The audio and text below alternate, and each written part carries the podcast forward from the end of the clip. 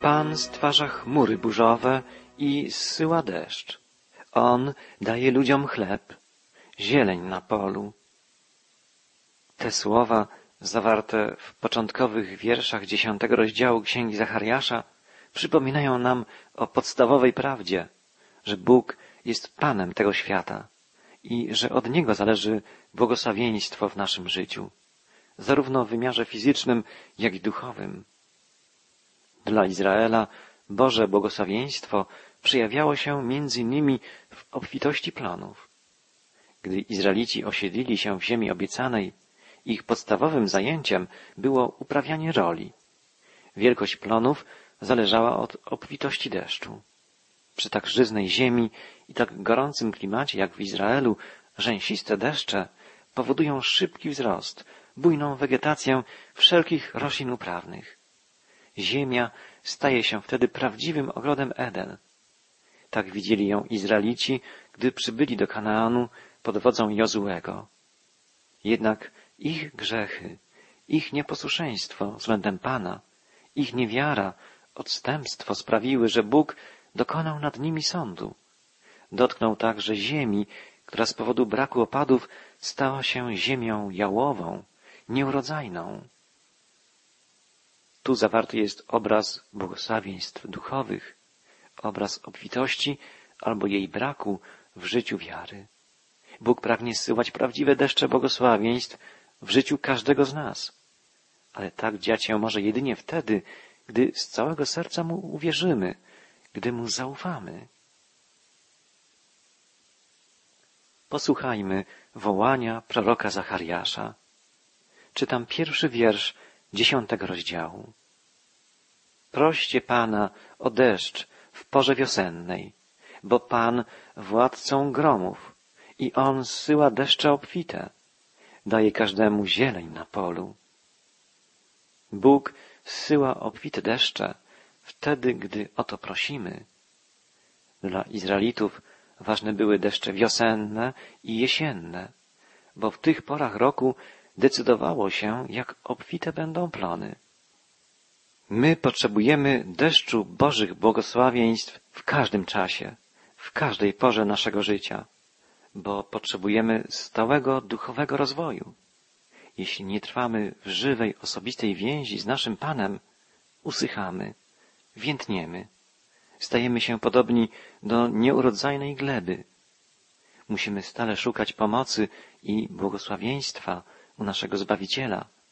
Musimy nasłuchiwać Jego głosu, kierować się Jego słowem, jeśli chcemy doświadczać spełnienia, satysfakcji, szczęścia, włączności z Nim, naszym Stwórcą, opiekunem i przewodnikiem. Jeśli tak się nie dzieje, zaczynamy chodzić własnymi ścieżkami, zaczynamy słuchać własnych pragnień, rządz, otwieramy się na inne głosy niż głos Boga. Posłuchajmy ostrzeżenia proroka. Woła. On, posążki bóstw mówią tylko brednie, wróżbici widzą tylko kłamstwa i złudne są sny, które wyjaśniają, pocieszają zwodniczo, dlatego pójdą dalej podobni do trzody błądzącej ciągle, bo nie ma pasterza. Zachariasz wymienia kilka najważniejszych przyczyn, z powodu których lud Boży oddala się od Boga i popada w odstępstwo. Prorok mówi o złym wpływie wróżbitów, o przywiązywaniu wagi do złudnych snów i o kulcie rzekomo boskich posążków. W oryginalnym tekście pojawia się tu słowo terafim, określające bóstwo domowe, posążek, niewielką figurkę, której przypisywano nadnaturalną moc. Pamiętamy historię ucieczki Jakuba wraz z dwiema żonami, Leą i Rachelą, z domu Labana. Rachela zabrała wtedy posążki bożków domowych, czyli terafim, z domu swego ojca. Świadczy to o tym, że w czasach patriarchów zwyczaje wyniesione z pogańskiej kultury babilońskiej czy asyryjskiej nie zostały jeszcze wyrugowane z życia religijnego. Dzięki wykopaliskom dokonanym przez archeologów wiemy, że bożki domowe znajdowały się w niemal każdym domu asyryjskim czy babilońskim. Wierzono, że ten, kto je posiada, sprawuje kontrolę nad całą rodziną. Podobne wierzenia przeniknęły do Izraelitów. Zachowały się jeszcze w domu Labana, wuja i teścia Jakuba. Pamiętamy, że Abraham wyszedł z Ur z kręgu kultury babilońskiej. Pamiętamy też, że Laban z wielką zajadłością ścigał swojego zięcia i córki Leę i Rachelę. Stało się tak dlatego, że przejęcie bożków domowych przez Rachelę i Jakuba byłoby dla Labana niejako znakiem wygradzenia praw do przewodniczenia całej rodzinie. Wiemy także z przekazów historycznych, że terafim, bożki domowe, służyły do wróżenia. Prorocy izraelscy często występowali przeciw takim praktykom.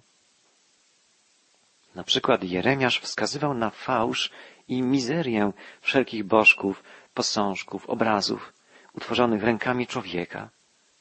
Wiara w to, że mają one jakiekolwiek znaczenie, jakąkolwiek tajemną moc, nie jest właściwie wiarą, a zabobonem, przesądem. Boży prorok ostrzegał przed kultem wszelkich bożków. Apelował, by nie obawiać się znaków niebieskich, to znaczy, by nie angażować się w dociekania astrologiczne, nie wróżyć z gwiazd, nie wczytywać się w horoskopy. To wszystko odwodzi od czystej wiary, świadczy o braku zaufania względem jedynego prawdziwego Boga, w którego rękach jest przecież nasza teraźniejszość i przyszłość. Jak niedorzeczne jest postępowanie tych, którzy odwracają się od żywego, wszechmogącego Boga i zwracają ku martwym bożkom lub ku siłom wątpliwego, nieraz demonicznego pochodzenia. Jakże głupie jest zwracanie swego zainteresowania ku stworzeniu, jeśli można zwracać się do samego Stwórcy. Wymyśleni bogowie znikną. Właściwie w ogóle ich nie ma. Są łudą, są dziełem rąk i umysłu człowieka. Jedynym Bogiem, prawdziwym Bogiem jest żywy Pan, Stwórca nieba i ziemi, Bóg Biblii. Mądrość Boga, Jego moc jest widoczna w stworzonym przez Niego wszechświecie i my zawdzięczamy swe istnienie twórczej mocy i mądrości Boga. On jest jedynym dawcą życia. Żyjemy w Jego wszechświecie. Dlatego też nie ma nic bardziej ważnego i wartościowego niż poznawanie Jego woli, Jego słowa, doświadczenie Jego mocy, mądrości i miłości. Naszą modlitwą powinny być słowa Wiem, Panie, że to nie ja wyznaczam swoje drogi i że nie w mojej mocy leży kierowanie swoimi krokami. Tak, powinniśmy pozwolić, by Pan nas prowadził. Ilekroć oddalamy się od Boga i próbujemy chodzić własnymi ścieżkami, o własnych siłach, kierując się własną mądrością, przegrywamy, przegrywamy życie. On, Zbawiciel i Pan mówi, ja jestem drogą, prawdą i życiem. Jeśli chcemy żyć w domu Ojca, pozwólmy naszemu Zbawicielowi kierować naszym życiem. Nie słuchajcie fałszywych proroków, którzy wam wróżą, wprowadzają was w błąd, zwiastują wam urojenia swego serca, nie zaś to, co pochodzi z ust Pana. Tak wołał Jeremiasz przed upadkiem Jerozolimy. Zachariasz już po powrocie z niewoli babilońskiej wołał podobnie. Wróżbici widzą tylko kłamstwa. Złudne są sny, które wyjaśniają. Mówią tylko brednie. Znaczy to, że w sercach ludu izraelskiego stale tkwiła tendencja, skłonność, żeby zamiast słuchać słów Pana, słów żywego Boga, przekazywanych im przez prawdziwych proroków, takich jak Izajasz, Jeremiasz czy Zachariasz, skłaniali się ku słowom fałszywych proroków, wróżbitów, magów, jasnowidzów. Może nas to dziwić, ale gdy popatrzymy na sytuację we współczesnym świecie, choćby w naszej chrześcijańskiej Europie, widzimy ten sam problem, jeszcze nawet bardziej jaskrawo, ukazujący nam duchowy stan współczesnego człowieka. Niedawno na konferencji chrześcijańskiej, której uczestniczyli ludzie zaangażowani w pracę misyjną w różnych zakątkach Europy, z przerażeniem usłyszałem alarmujące statystyki dotyczące Włoch i Francji. We Włoszech bardzo niewielki procent społeczeństwa w ogóle uczęszcza do kościoła. Za to bardzo wielu ludzi interesuje się magią, wróżbiarstwem, parapsychologią, interpretacją snów i objawień. Powstaje wiele przeróżnych sekt, których dominują fałszywi prorocy, mesjasze, szamani.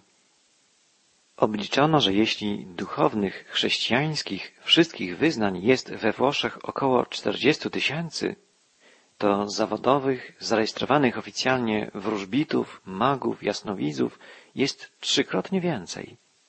Około 120 tysięcy. Podobna sytuacja występuje na przykład we Francji. Ponad dwukrotnie więcej jest tam zawodowych wróżbitów i magów niż księży i pastorów. Ta statystyka może wydawać się nam szokująca. Przecież współczesne społeczeństwo uważane jest za nowoczesne, wykształcone, światłe, racjonalne. Okazuje się jednak, że współczesny człowiek, odwracając się od Boga, od Ewangelii, zwrócił się ku wróżbiarstwu, ku magii, astrologii, żeby zapełnić duchową próżnię, pustkę, która pojawiła się w jego duszy. Współczesne społeczeństwo stawia sobie pytania o sens i cel życia, podobnie jak stawiali je sobie ludzie w starożytności, w średniowieczu, w okresie renesansu, oświecenia, w każdej epoce.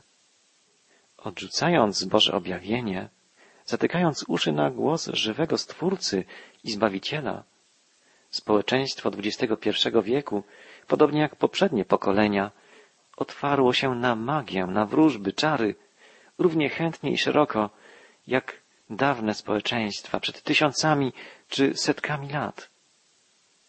Prorok Zachariasz opisuje taki stan społeczeństwa następująco. Idą podobni do trzody, błądzącej ciągle, bo nie ma pasterza. To poruszający obraz. Ludzie jak trzoda owiec, jak stado pozbawione pasterza. Kto jest temu winien? Pasterze Izraela to przywódcy narodu, królowie, książęta, wodzowie, a także przywódcy duchowi, kapłani, prorocy. Niestety w historii narodu wybranego wielu było niedobrych, bezbożnych przywódców, wielu nieprawych kapłanów, fałszywych proroków. To była jedna z głównych przyczyn duchowego i moralnego upadku narodu. Pasterze, przywódcy zawiedli. Z tego powodu cały lud, pozbawiony dobrego przykładu i właściwej opieki, zdryfował, popadł w odstępstwo, zepsucie.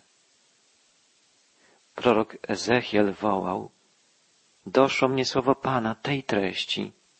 Synu człowieczy, prorokuj przeciwko pasterzom Izraela. Prorokuj i powiedz im, pasterze, tak mówi wszechmocny Pan. Biada pasterzom Izraela, którzy sami siebie paśli. Czy pasterze nie powinni raczej paść trzody?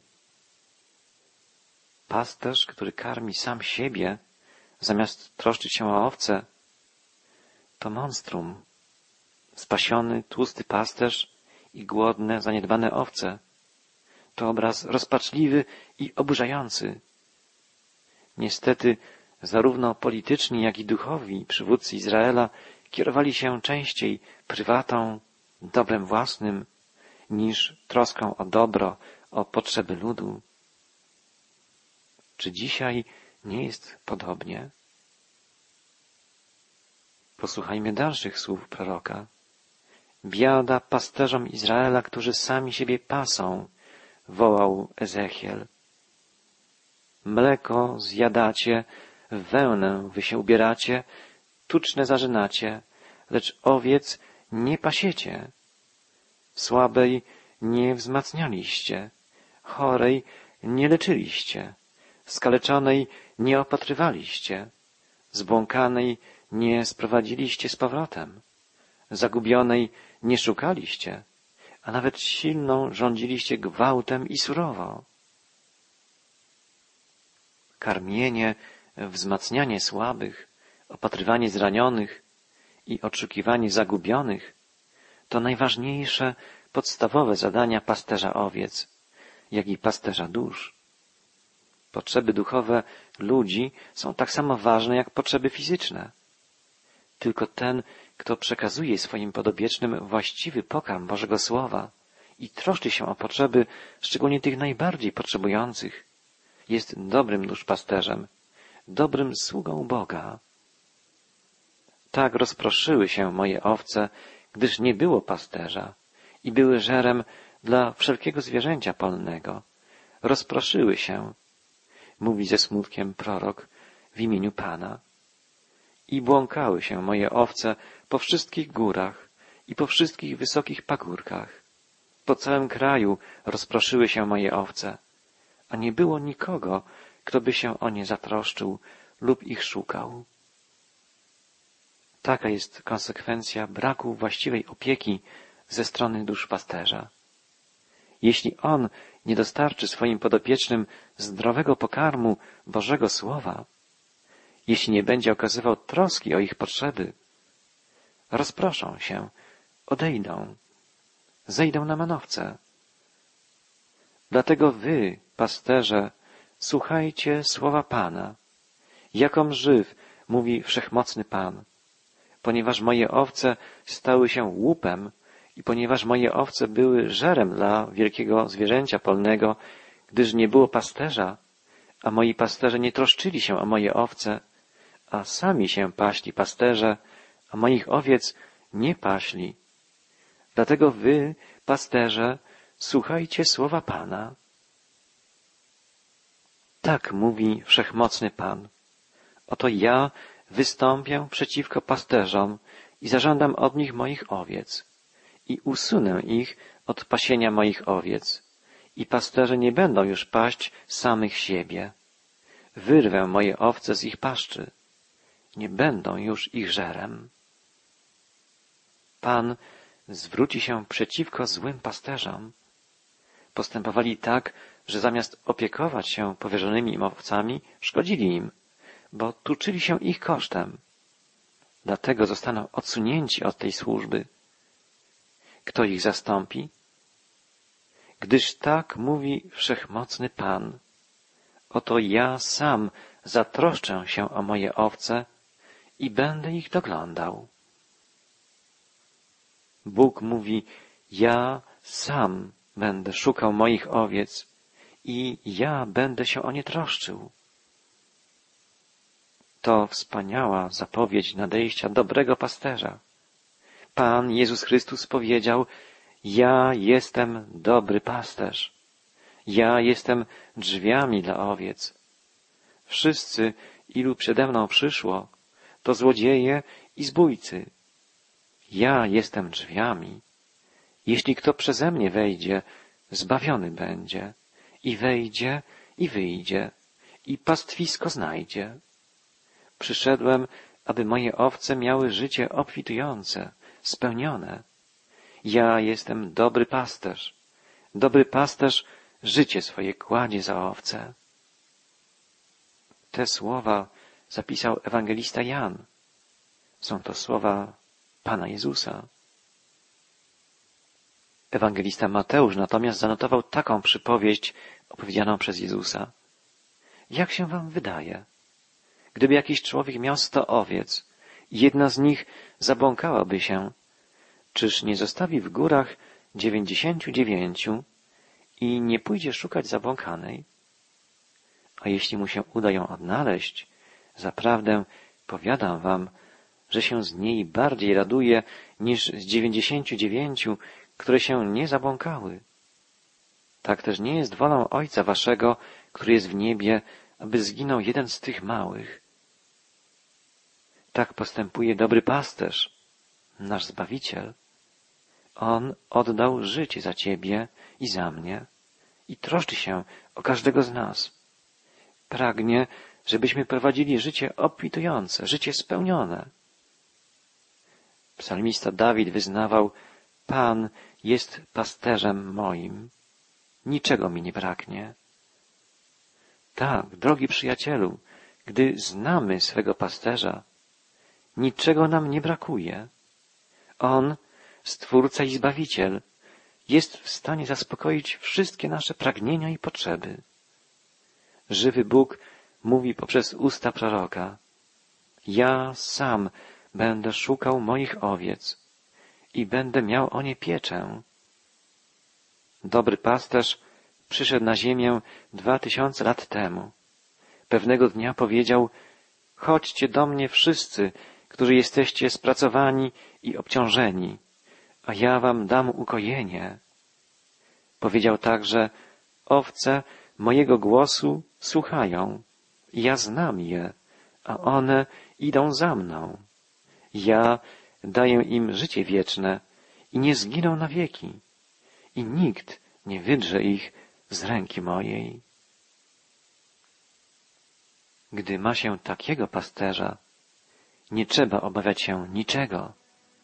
Ja i ty jesteśmy bezpieczni, gdy czuwa nad nami nasz Pan i Zbawiciel.